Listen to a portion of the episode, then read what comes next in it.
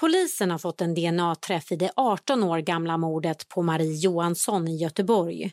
Det var 2005 som Marie Johansson mördades inne på tygaffären Stuvkällaren i centrala Göteborg. Träffen leder till en kvinna som var 17 år gammal vid mordtillfället. Det var ett närmast sensationellt genombrott.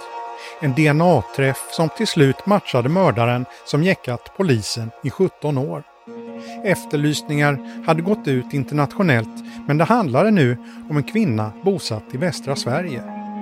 Blodspåren som förövaren avsatt på brottsplatsen skulle äntligen leda till att ett av Sveriges mest omskrivna och ouppklarade mordfall skulle få sin lösning.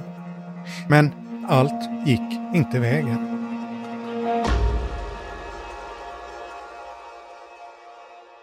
Det här avsnittet är exklusivt för Aftonbladet Plus och Podmi-kunder. Gå in på kampanj.aftonbladet.se aftonbladetkrim så kan du signa upp för Plus i två månader för 49 kronor. Sen kan du lyssna i Aftonbladets app eller sajt. Vill du testa Podmi kan du göra det i 14 dagar kostnadsfritt. Gå in på podmi.com och teckna Podmi Premium så får du tillgång till alla premiumpoddar helt utan reklam.